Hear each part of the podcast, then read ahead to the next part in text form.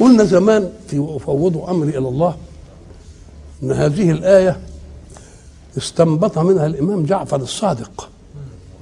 لما هناك بيقول الاستنباطات القرآنية اللي استنبطها بيقول عجبت لمن خاف. أي واحد يخاف من أي حاجة. عجبت لمن خاف ولم يفزع إلى قول الله سبحانه حسبنا الله ونعم الوكيل. يعني أي واحد يخاف من أي حاجة يفزع إلى إيه؟ حسبنا الله ونعم الوكيل. فإني سمعت الله بعاقبها يقول إيه؟ فانقلبوا بنعمة من الله وفضل. شوفوا عبارته حتى عجبت لمن خاف ولم يفزع إلى قول الله سبحانه حسبنا الله ونعم الوكيل. فإني سمعت الله.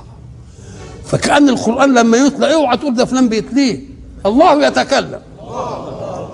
شوف سم... فإني سمعت الله بعقبها يقول إيه؟ فانقلبوا بنعمة من الله وفضل لم يمسسهم سوء وعجبت لمن مكر به. كيف لا يفزع إلى قول الله سبحانه وأفوض أمري إلى الله؟ إن الله بصير بالعباد. فإني سمعت الله بعقبها يقول فوقاه الله سيئات ما مكر. وعجبت لمن طلب الدنيا وزينتها. حتى طلب الدنيا. كيف لا يفزع إلى قول الله ما شاء الله لا قوة إلا بالله. اللي عايز الدنيا تفتح له بقى يقول ما شاء يقول في كل حاجة ما شاء الله لا قوة إلا بالله. مش قايل في سورة الكهف ولولا إذ دخلت جنتك قلت ما شاء الله لا قوة إلا بالله. إن. لأني سمعت الله بعاقبها يقول إن ترني أنا أقل منك مالا ولدا فعسى ربي أن يؤتيني خيرا من جنتي.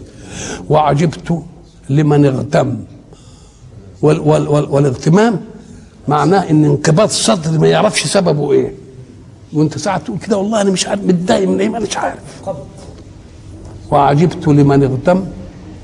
كيف لا يفزع إلى قول الله سبحانه لا إله إلا أنت. سبحانك إني كنت من الظالمين.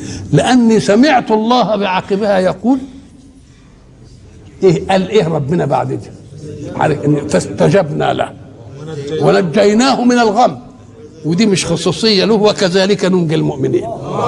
يبقى اذا الإمام جعفر الصادق ادينا روجيتا لمنغصات الحياة. تخاف من شيء قل حسبنا الله ونعم الوكيل. تخاف من قوم ينكرون بك قل وأفوض أمري إلى الله إن الله بصير بالعباد عايز الدنيا قل ما شاء الله لا قوة إلا بالله. في غم داخل عليك كده ولا تعرفش سبب؟ قل لا إله إلا أنت سبحانك.